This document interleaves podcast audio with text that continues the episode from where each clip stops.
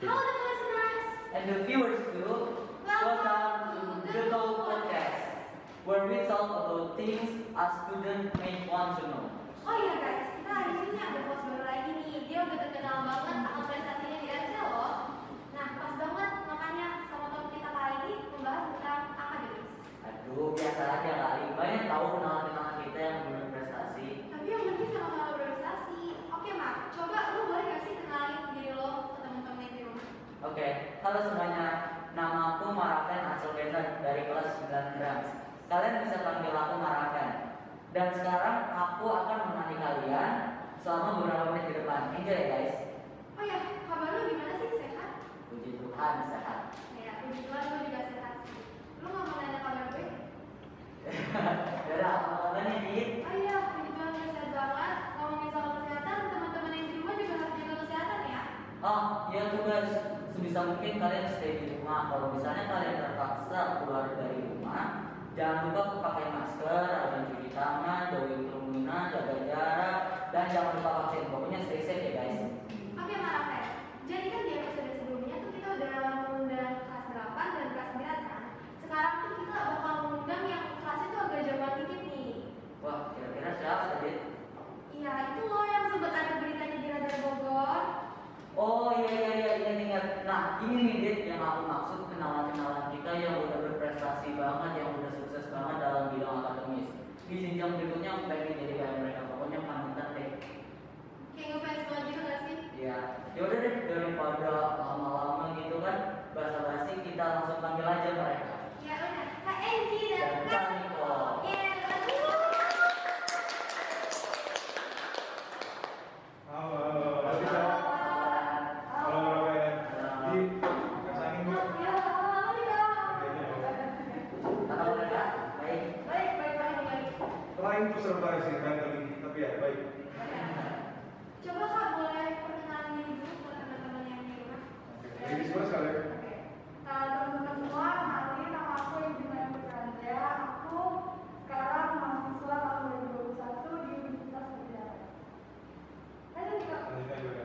Nah, pertama teman-teman semuanya yang di rumah apa sebutannya tadi? Teman-teman yang di rumah Tadi sebutannya Dekolisna Apa? Dekolisna Kalau listener, untuk kalau listener semua yang ada di rumah disclaimer sebentar ya. Gue lebih nyaman kalau pakai orang gua lo. Jadi ya, semoga teman-teman juga juga nyaman. Nah, kenalin, nama gue Niko Devis Dwi Hendratno. Sebenarnya kalau di kampus kalian kalau nanya kenalan atau enggak, jawabannya masih enggak karena di kampus gue dipanggil Gunco. Uh, gue kebetulan sekarang jadi di Universitas Indonesia, Departemen Sosiologi, Fakultas Ilmu Hukum dan eh sorry, Fakultas Ilmu Sosial dan Ilmu Politik. Gitu. Wow. Dan tahu nggak, guys, mereka ini adalah cal apa mantan anak-anak Regina loh guys. Pokoknya bikin Regina bangga banget deh. Buat Regina bangga banget guys Iya. Nah. Ya terus, ya terus ya mereka bisa kalian dengar lah mereka terima di universitas top di Indonesia. Wah hebat banget. Oke kak, kami mau kita dong kan kami ke apa mulai pertanyaannya. Jadi gimana sih waktu itu prosesnya gitu ceritain dong kak? Oh, mungkin mulai dari dulu aja kali ya. Itu kan keterimanya di seleksi ya, seleksi nilai. Itu paling teman-teman kan step buat masuk perguruan tinggi itu kan gimana? Oke, jadi sekali lagi gue simpulin pertanyaannya gimana prosesnya dari awal gue masih di jenjang pendidikan SMA sampai ke jenjang pendidikan yang ada di gue sekarang gitu ya, di Iya. universitas. Oke. Jadi kalau mau di kelas ada sebenarnya ada tiga jalur resmi gitu ya yang diadain sama pemerintah untuk siswa SMA masuk ke universitas eh, negeri atau PTN, perguruan tinggi negeri gitu ya. Yang pertama ada SNMPTN, singkatannya apa? Gue lupa kalau juga Hanya hal pertama ada SNMPTN terus yang kedua ada SBMPTN atau UTBK gitu ya. Yang ketiga baru nih jalur mandiri. Nah kalau untuk SNMPTN sendiri yang mana itu adalah jalur uh, tempat gua akhirnya lolos itu kebetulan yang diseleksi adalah nilai rapot dari semester 1 sampai semester 5 waktu gua SMA gitu. Singkatnya gitu sih. Pokoknya gua terima di jalur SNMPTN lanjut. Oke, mungkin kalau eh, dengan Niko nih jalur-jalur awal yang terimanya. Nah, kalau kalau aku itu terima di jalur-jalur akhir itu seleksi ujian mandiri. Di mana eh, setiap universitas ini kalau kalian lulus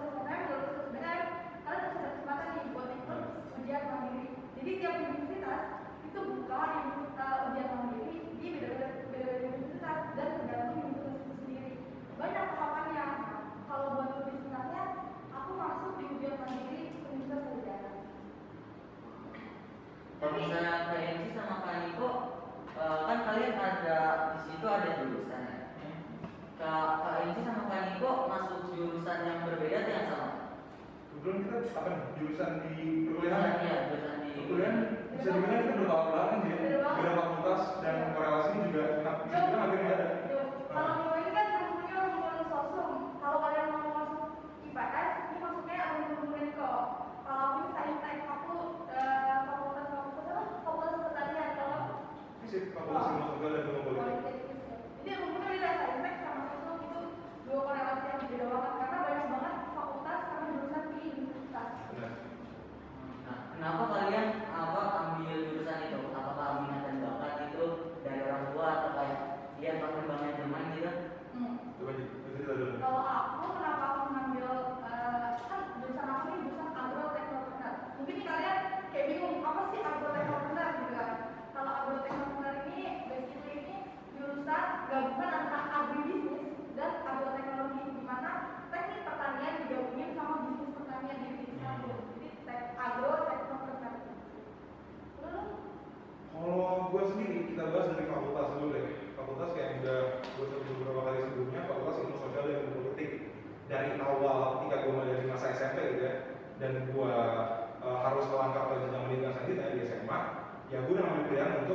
IPS yang mana kayak yang dibilang tadi korelasi antara IPS dan fakultas gue sekarang tuh ya udah jelas banget. Punya satu kata dasar yang sama sosial dan sosial gitu kan ya.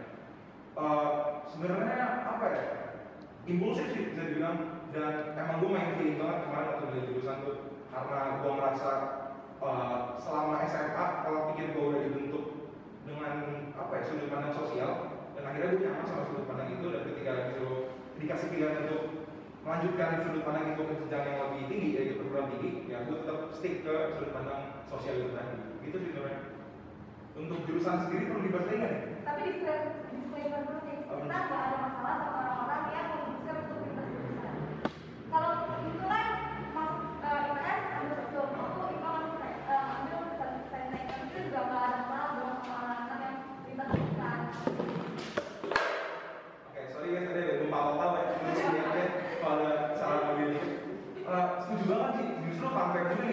gue di sosiologi 2021 gitu kita ternyata banyakkan teman-teman catatan gue yang tadinya SMA-nya tuh IPA, banyak yang linjur justru.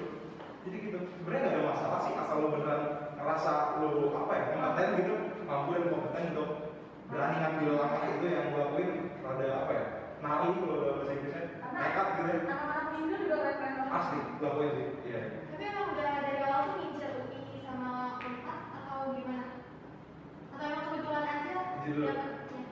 jadi jujur aku tuh dari awal nggak nggak ada pikiran jadi mahasiswa universitas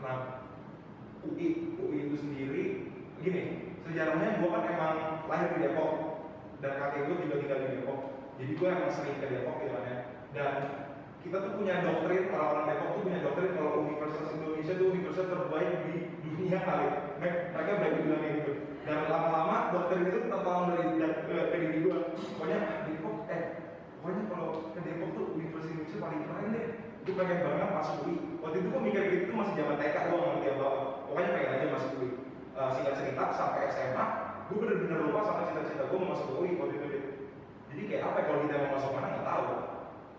Kayak kakak lu udah masuk ke sini lu nggak mau ikut? Enggak nggak tahu. Pokoknya ikut aja kan? Jujur Iya, benar. terus gue se sekelulus itu sampai akhirnya ya itu tadi kakak gue dapet eh kakak gue keterima. Kakak gue kata 2020 dia keterima lewat jalur simak simak tuh jalur mandirinya UI dan akhirnya muncul tuh cita-cita gue yang tadinya udah terlupakan. Eh, kayaknya masuk UI kan kayaknya enak deh masuk UI gitu. Dan sejarah singkat juga bapak gue juga alumni UI gitu dan lama-lama gue mikir juga aduh gue malu gak sih kalau gue jadi satu-satunya cowok di rumah yang gak punya jaket kuning?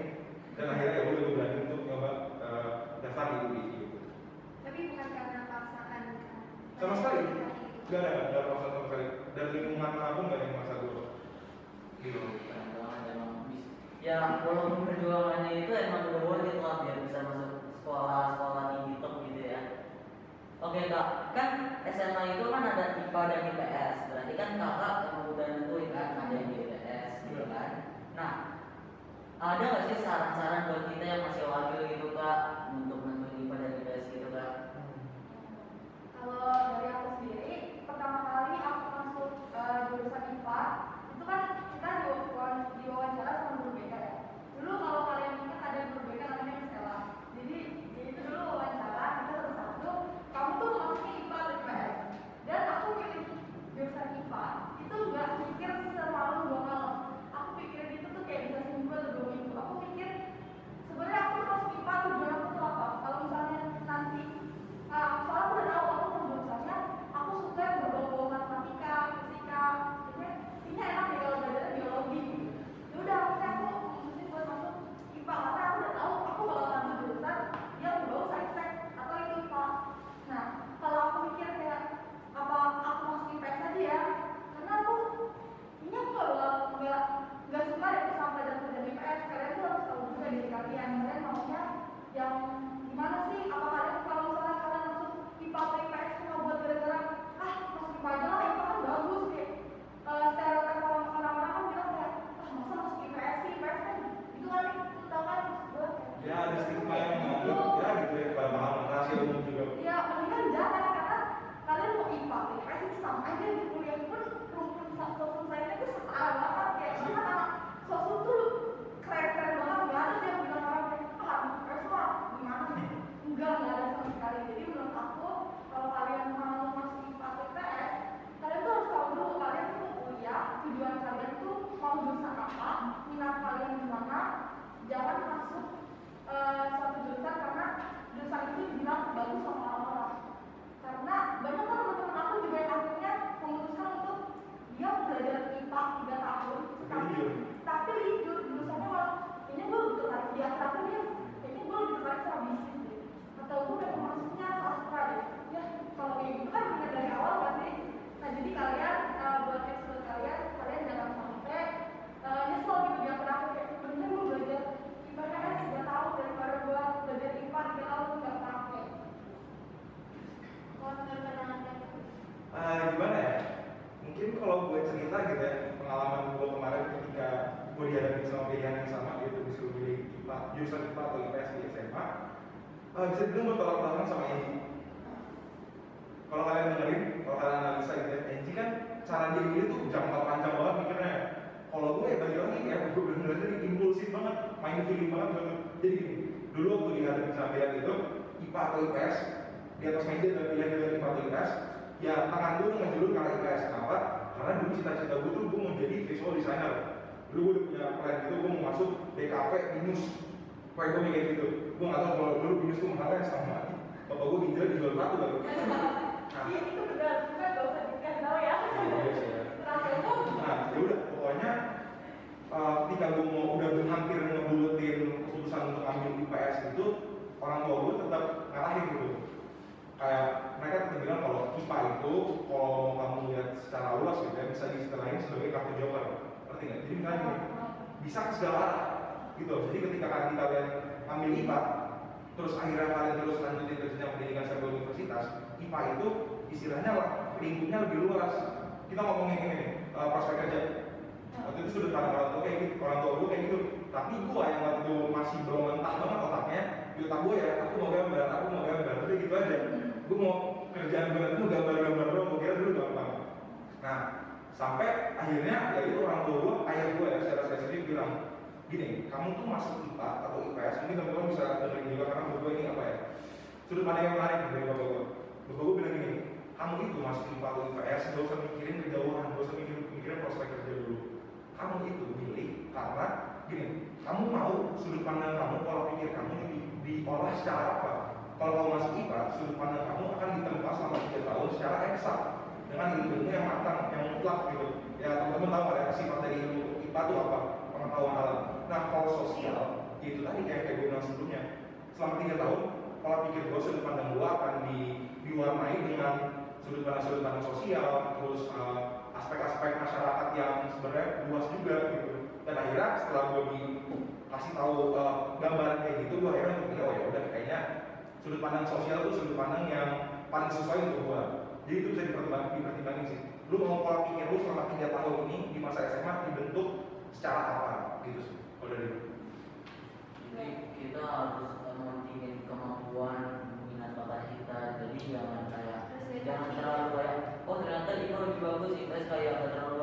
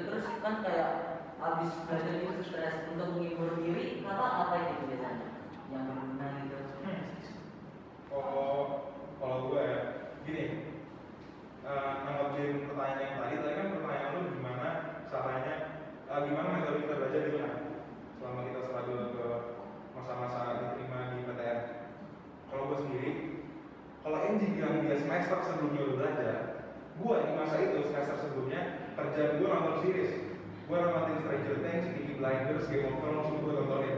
Gue lebih hafal biodata tokoh-tokoh daripada materi-materi asli jujur-jujuran aja. Tapi gue sadar tuh sampai akhirnya kakak gue bilang, "Eh, lu tuh orang-orang seumuran lu sekarang udah pada struggle.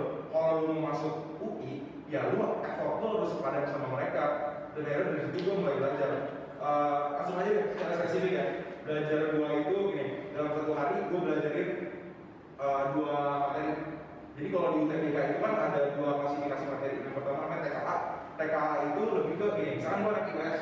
TKA itu materinya ada empat di kalau IPS. Eh, sejarah, sosiologi, ekonomi, sama geografi. Itu TKA kan. Nah, TPS, TPS ini bakal dihadapin sama anak IPA dan anak tulis PPU, PPU itu pengetahuan dan pemahaman umum. Terus ada PU, penalaran umum, sama satu lagi yang paling brengsek nih, PK, pengetahuan kuantitatif. Iya. Itu sistemnya matematika tapi pakai nalar gitu ya. Nah itu, satu hari gue ngerjain satu PU belajar satu materi TKA sama TPS. Dan lu belajar gue itu dari jam, ada jam lebih. Jam berapa ya? selesai sekolah sih? Gini, gue selesai sekolah itu uh, selesai sekolah online jam 3 Gue belajar dari jam 3 sore sampai jam 3 subuh Itu gue ninggalin porsi gue depan belajar Gue kadang turun ke bawah, meja makan Ambil lauk dan nasi piring, gue doa, naik lagi makan. Iya bener oh ini, meja komputer gue, buku-buku, ini piring kotor, gelas. Pokoknya gue belajar kayak gitu. Dan jujur, kalau lu tanya testimoni dari gue Sama metode belajar kayak gue, eh kayak yang gue lakukan itu Sama sekali gak sehat. Lu nyiksa diri, lo narik diri lo sendiri dari pertemanan lo karena kerjaan gue sambil belajar tuh nolak nolakin teleponan temen gue ngajakin nongkrong. Like nongkrong like nggak dulu ya gue belajar dulu. Semuanya gue telepon lagi jadi menurut gue lo harus adaptif dalam milih metode belajar. Lo harus tahu uh, kapasitas lo gimana dan lo harus tahu juga di UTBK ini kita spesifik UTBK ya itu tipe apa ya yang mau dicari itu dalam uh, problem problem solvingnya bukan kayak UAS bukan kayak UTS yang mau diincar tuh basic lo fundamental lo sama materi-materi itu. Jadi cara belajar lo harus lo sesuaiin juga nih. Ya nggak sih sih? Kalau di UTS kan kita kayak cuma tinggal belajar apa-apaan aja. Kalau UTBK itu kita mau mau diuji fundamental kita pemahaman dari dasar itu. Jadi gitu perlu perlu perlu research menurut gua perlu banget. Gua kasih tahu beberapa platform yang mungkin bisa lo uh, manfaatin gitu ya. Twitter ini kunci banget nih. Twitter. Twitter tuh dewa Oh, Twitter dari Di Twitter tuh banyak anak-anak nih kalian angkatan berapa sih? Kalian bakal lulus SMA atau berapa? Kemarin dua satu dua dua empat ya. Kalau main 2024 ya, 2024 Berempat ya SMA dua ribu dua tiga. Nih, gini aja, gambarnya gini, banyak anak-anak sumuran kalian yang udah ambis, super ambis di Twitter, ada nggak sih? Nih, kalau kalian kalau kalian perhatiin, jadi ada beberapa platform tryout, tryout itu kayak latihan soal untuk persiapan UTBK. Jadi kalian bakal diajarin sama soal-soal UTBK, kalian ngerjain nanti juga waktu yang sesuai sama UTBK gitu. Nah, nih gua ada beberapa platform, gak apa-apa nyebut merek. Salah satunya Pak Hamifai sama juga. Tiap tahun, biasanya yang paling tinggi itu justru anak-anak sumuran kalian nilainya. Iya. Karena mereka ambis-ambis banget, mereka yang otaknya super encer, justru belajar latihan, eh, belajar, mulai belajarnya dari umur sekarang. Karena kalau lu mulainya nanti kayak sama kayak gue kemarin yang ada keteteran dan gak sehat jadi saran gue sih gitu. ya deh. Terserah, sekali lagi tergantung kapasitas lu. Kalau lu merasa nyamannya gimana ya lakuin itu aja. Jadi sih dari Karena menurut aku saingan kalian sekarang ini bukan di masa SMP, mungkin kalian merasa kayak enggak, gue bisa kok, gue saingan gue siapa sih paling sih yang ranking satu ranking dua. Tapi di luar sana kalian ini saingannya banyak banget. Kayak kalian tuh gak bakal sadar kalau gue tuh banyak orang pintar di luar sana kayak gue harus kalah sama orang pintar ini buat sama gini sih, analoginya tuh gini. Enji sekarang boleh di mana? Unpad Pajajaran. Lokasinya di mana? Jatinangor, Bandung. Tapi yang masuk situ bukan hanya anak Jatinangor doang, ada yang dari Batam, ada yang dari Sumatera, ada yang dari NTT asli. Jadi ya itu sih, kalian harus mulai dari sudut pandang dan wake up, sih. banyak sih orang-orang yang masuk apa lolos UTBK cuma belajar satu dua malam tuh banyak banget tapi kan kita sepintar mereka ya. Kita kan ah kita aja Bradley. Ya. apa sih kan lah Cina, emang di Cina. dia kan bisa lolos eh, belajar satu minggu dua minggu lolos kita ya kita kan tahu diri lah Jadi gini, gini deh, kita cerita dikit kayak sama teman kita yang unik itu. Kebetulan salah satu uh, teman gua, satu angkatan gua, mungkin kalian pernah dengar namanya, namanya Kak Raja, pernah dengar? oh iya Kak Raja yang motor paling bawah terus kalau lagi suka masuk sekolah. Nah sekarang Raja itu jadi temennya Enji nih satu kampus, dia di Unpad. Dia keterima di jalur SNMPTN. Gue cerita sedikit, gini. Di masa-masa struggle UTBK, di mana kerjaan gue belajar depan komputer, Raja itu kayak sorry lah ya, kalau gue ceritain tapi Raja ketika gue belajar kerjaan dia megang telepon megang rokok nelfonin gue udah sini lu nongkrong sampai sini. Ngapain sih lo belajar mulu? Ya gue nggak guna nggak guna. Belajar mah hamil 10 aja nggak penting gue belajar dari sekarang capek aja lo tapi akhirnya apa? Dia keterima duluan di Unpad. Jurusan yang dia mau jurusan yang apa ya? Salah satu jurusan di Fakultas Ilmu Sosial dan Ilmu Politik Unpad yang bisa dibilang favorit itu ilmu politik. Tapi dia nggak belajar. Kenapa?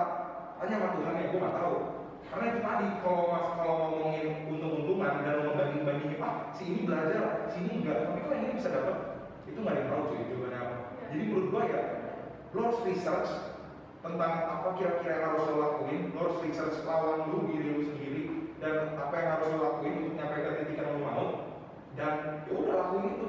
Jangan cuma asal research doang menurut gue sih itu, itu penting banget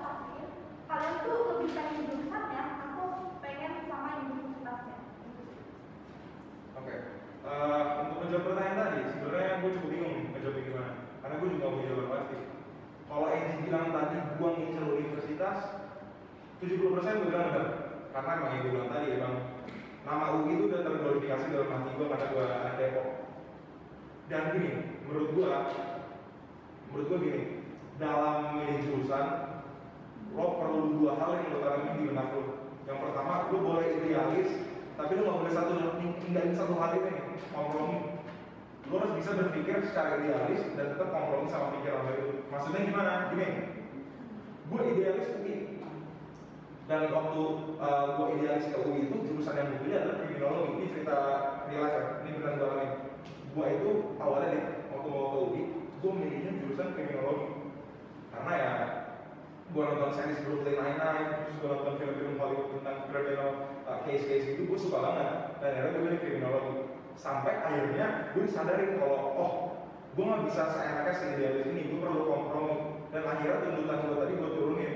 Yang akhirnya gue liat kriminologi daya tampung dan peminatnya itu gila-gilaan banget gak sih banget banget daya tampungnya nih bayangin ya daya tampungnya cuma 17 tapi peminat itu ribuan. Bayangin aja bayangin 17 orang nih terus cuma ada 17 pintu masuknya gimana?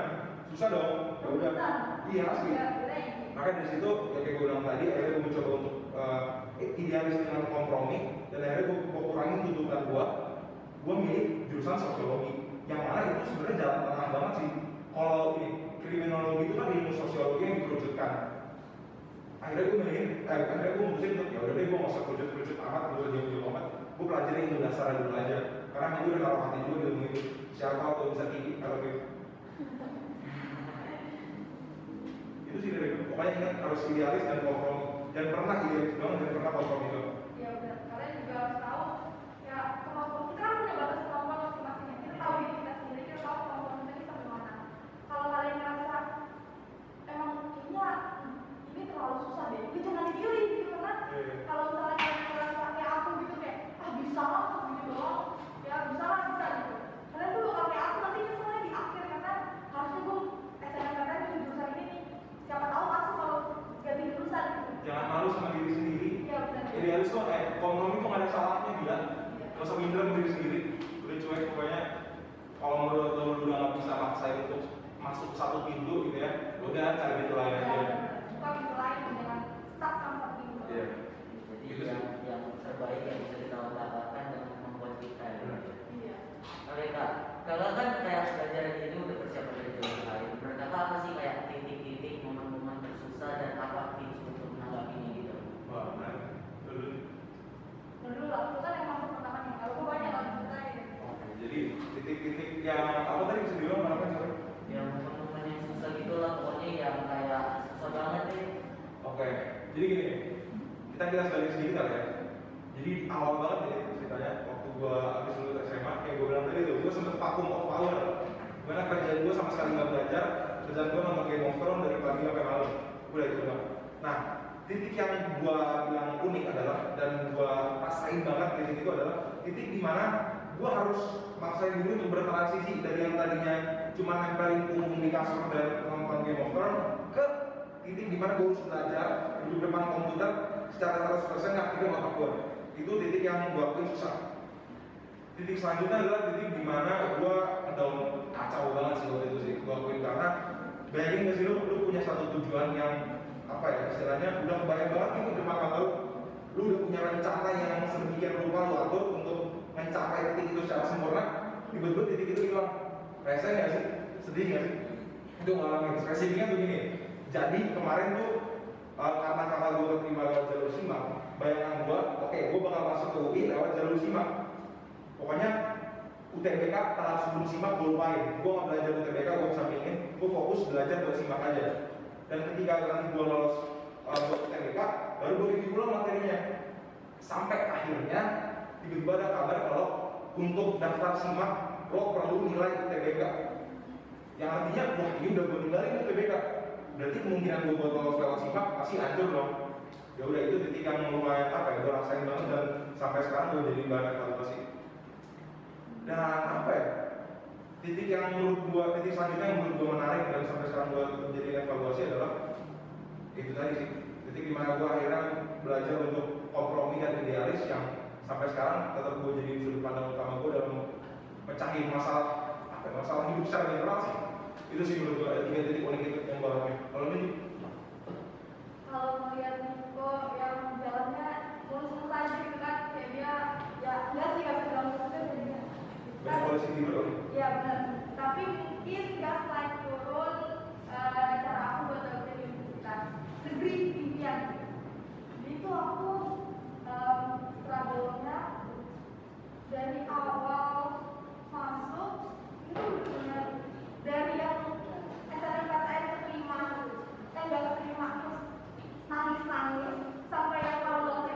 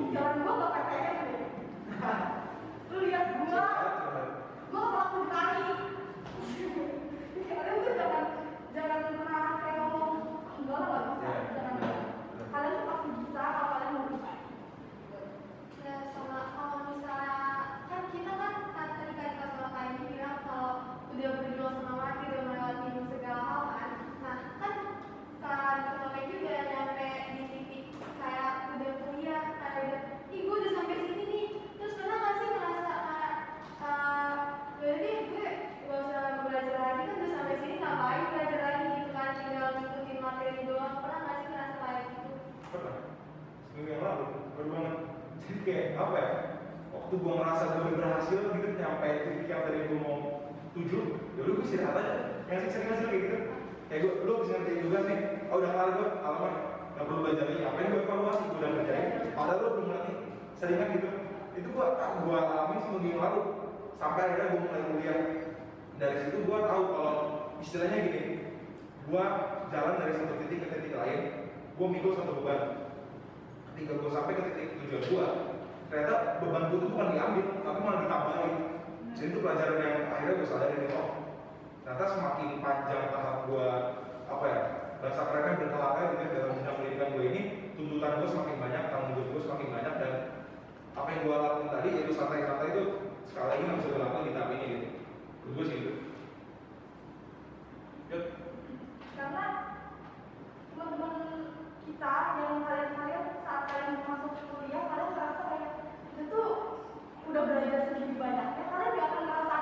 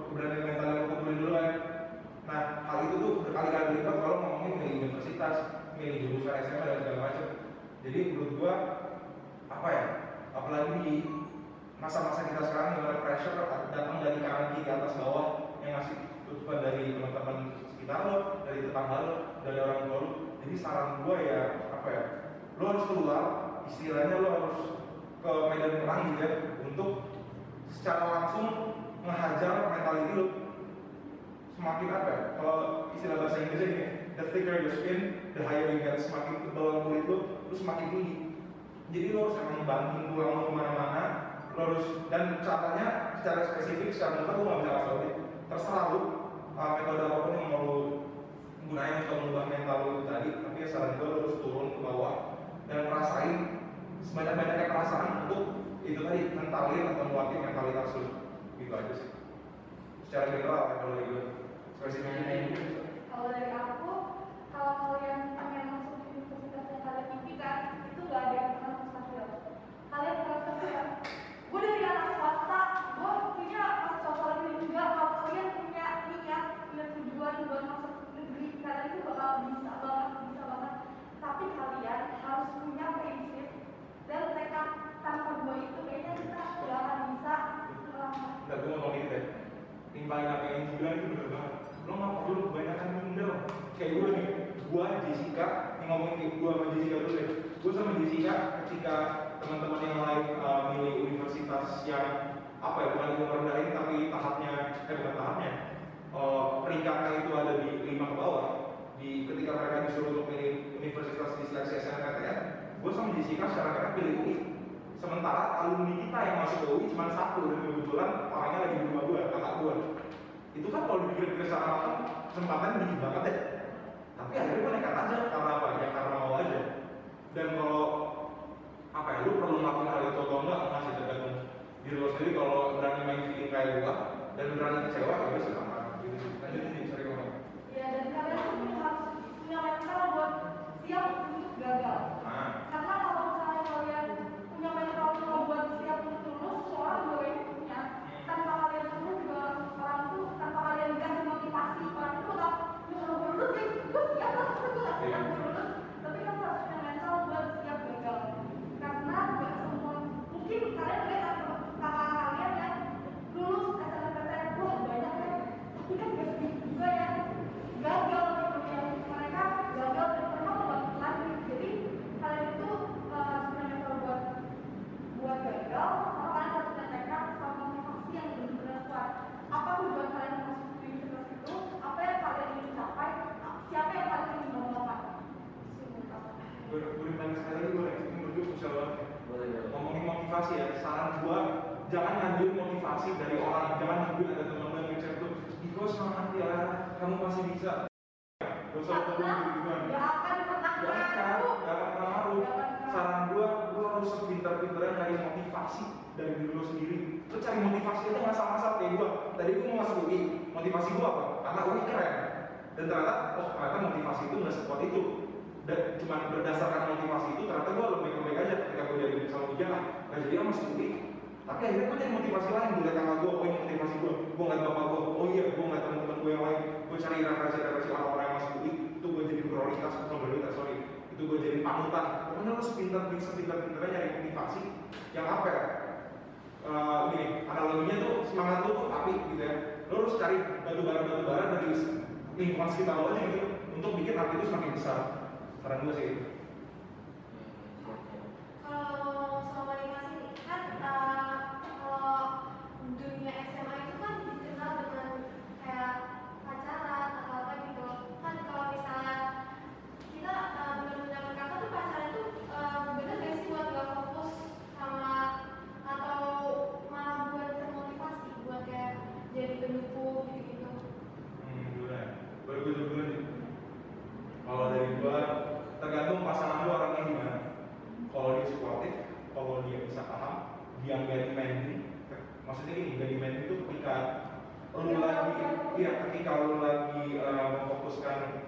fokus lu itu tadi perhatian lu itu ke hal yang lebih penting.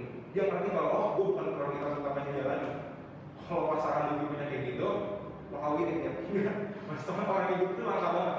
Eh, tapi sekali lagi gini deh secara spesifik ya kemarin aku baru belajar buku TBK itu tiap tahun gue pikiran kalau gue punya cewek gue gak mungkin belajar selain ini sih.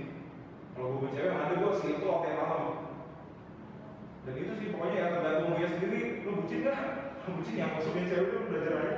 saran gue sih tapi tergantung pacaran juga sih. Iya, kalau pacaran ya kalau kalau pacaran kalian sehat ya kedua belah pihak harus bukan ya, satu satu pihak doang.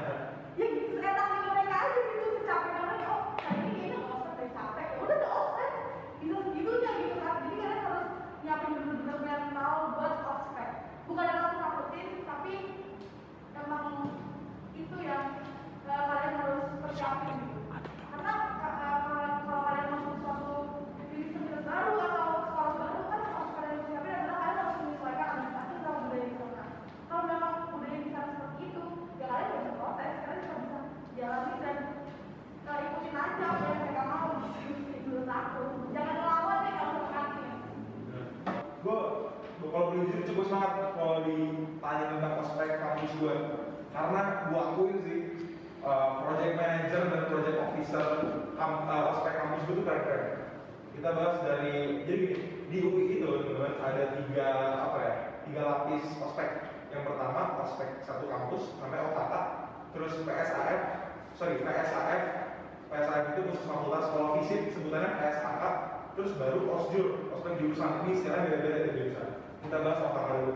Jadi kayak OKK uh, secara teknis kita dibagi per kelompok-kelompok itu. Yang isi-isinya tuh anak-anak dari fakultas yang beda-beda. Kayak gue kemarin satu uh, satu kelompok sama ada anak teknik, teknik lingkungan, terus ada anak fasilkom, anak fasilkom itu fakultas, uh, fakultas ilmu komputer, terus uh, pokoknya banyak fakultas hukum segala macam. Pokoknya semua fakultas yang ada di kampus gue ditempatin di satu kelompok kita bagi-bagi secara rata dan kita dikasih tugas-tugas yang apa ya gue akuin cukup menarik. Jadi yang tadinya kita lagi bayangin nih lu belum pernah ketemu bayangin kita ya belum kenal sama Frank sama teman-teman di sini terus akhirnya dipaksa di satu kelompok dan melalui satu proyek bareng-bareng. Itu kan secara paksa kita harus bonding ya. Nah itu yang menarik tuh kalau yang gua kasih applause buat project officer gua karena mereka tuh metode-metode keren-keren disuruh bikin podcast terus gua disuruh menganalisis uh, satu uh, apa ya waktu itu? Kasus. Bukan kasus apa ya kita di- disuruh menganalisis hasil dari uh, cek kepribadian satu sama lain. Itu menarik banget menurut gua.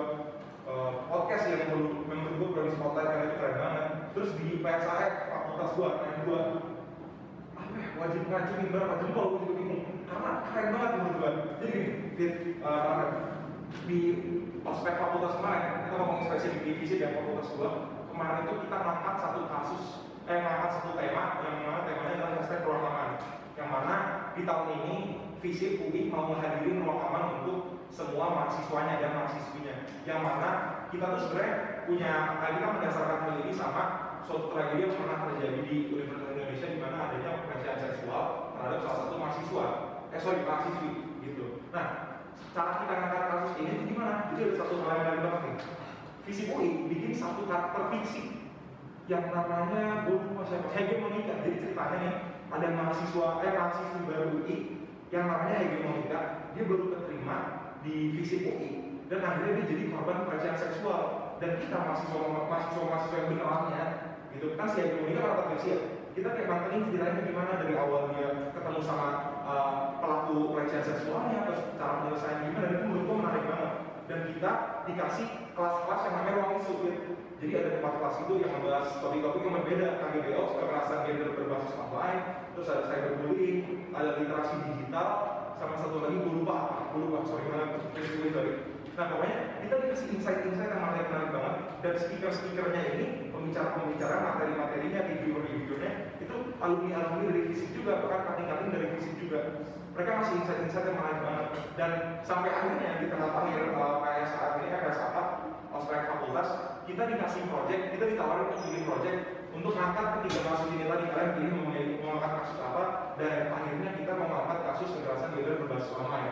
Yang mana nih kalau teman-teman pada punya TikTok sering banget nih uh, pasti sering banget ketemu uh, hashtag WIW di FYP-nya jadi WIW itu singkatan dari What If It Was You. Jadi kita teman-teman fisik itu mau ngangkat apa ya kita membuka sudut pandang teman-teman nih kalau selama ini kita sering lihat ya ada korban dari pelecehan seksual tapi kan kita ngeliat dari sudut pandang sudut pandang orang ketiga ya.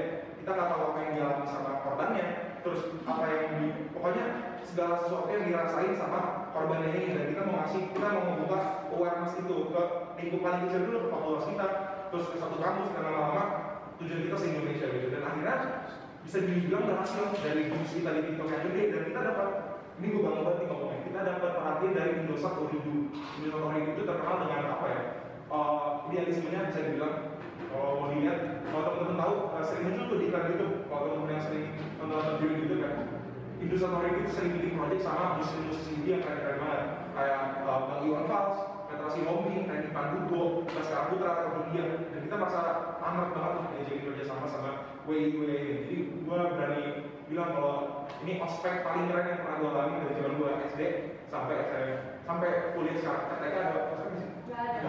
Tapi emang ospek kampus ini tuh pengalaman baru buat kita. Asli. Merasa kayak keren banget sih bisa bikin ospek yang kayak gini. Terus apalagi kan ospeknya cuma beberapa hari kalau kampus, kalau aku sih kampus tuh cuma beberapa beberapa hari dan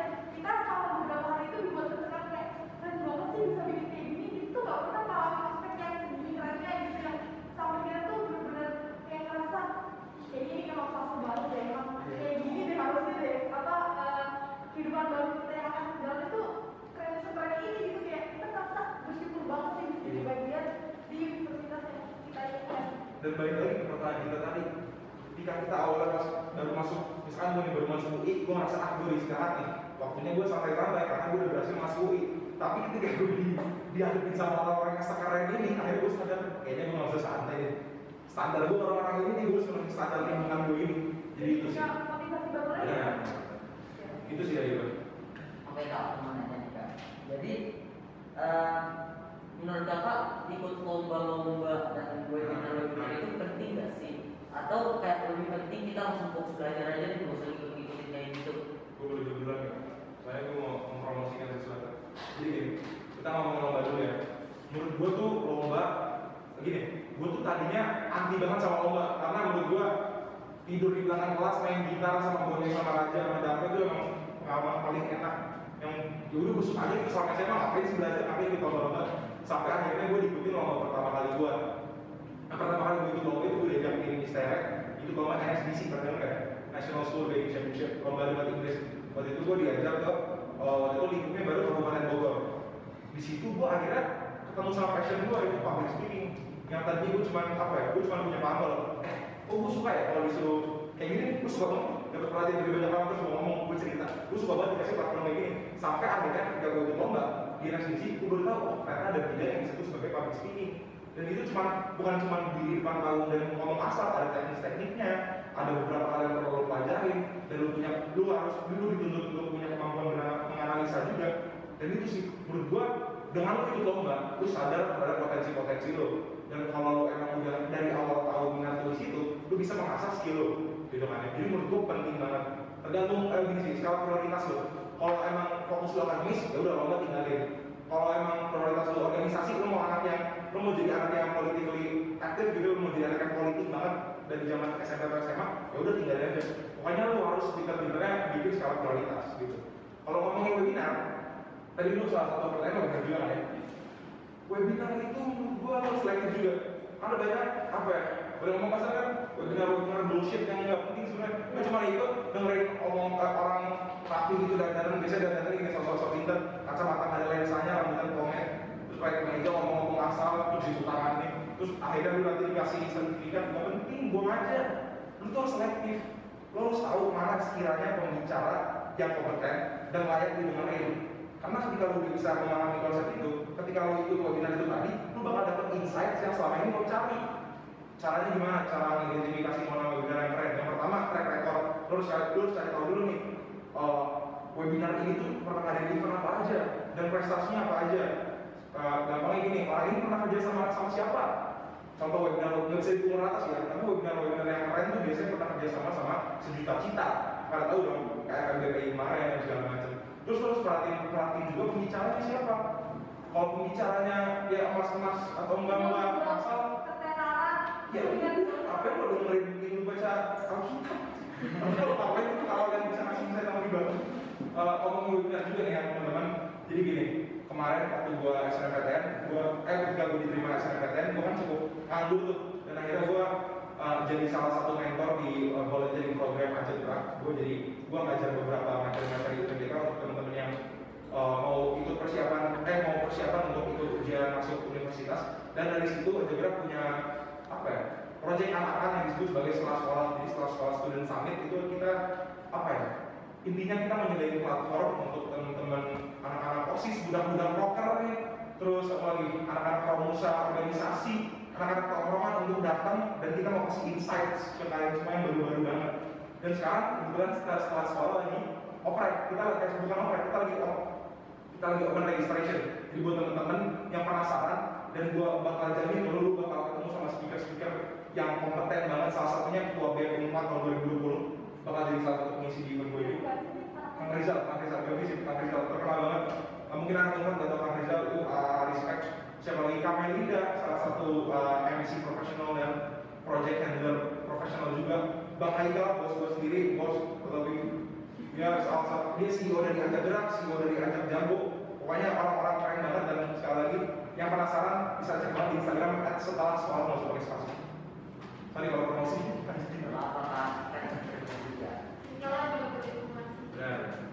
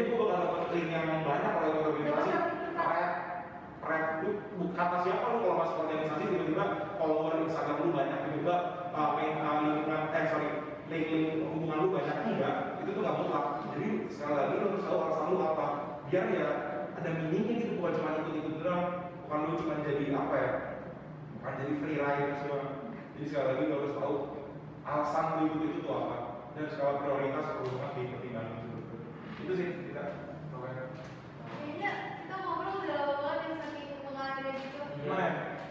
udah capek kan kayak kita yang informasi-informasi ilmu-ilmu mengalir terus tuh makasih makasih banget ya kak. Makasih makasih banyak kak makasih. Udah makasih loh seneng banget nih gue udah lama nggak sekolah sekali yang sekolah. Disuruh ikutan project yang menurut gue keren banget. Appreciate dong dia sih? Buat teman-teman masih SMP keren banget Keren di angkatan kita, ya secara ini belum ada nggak sih? SMP tuh udah jadi gue main warnet, gue belum main warnet. Kalian ngeluangin waktu yang harusnya bisa main di rumah untuk bikin project kayak gini, keren.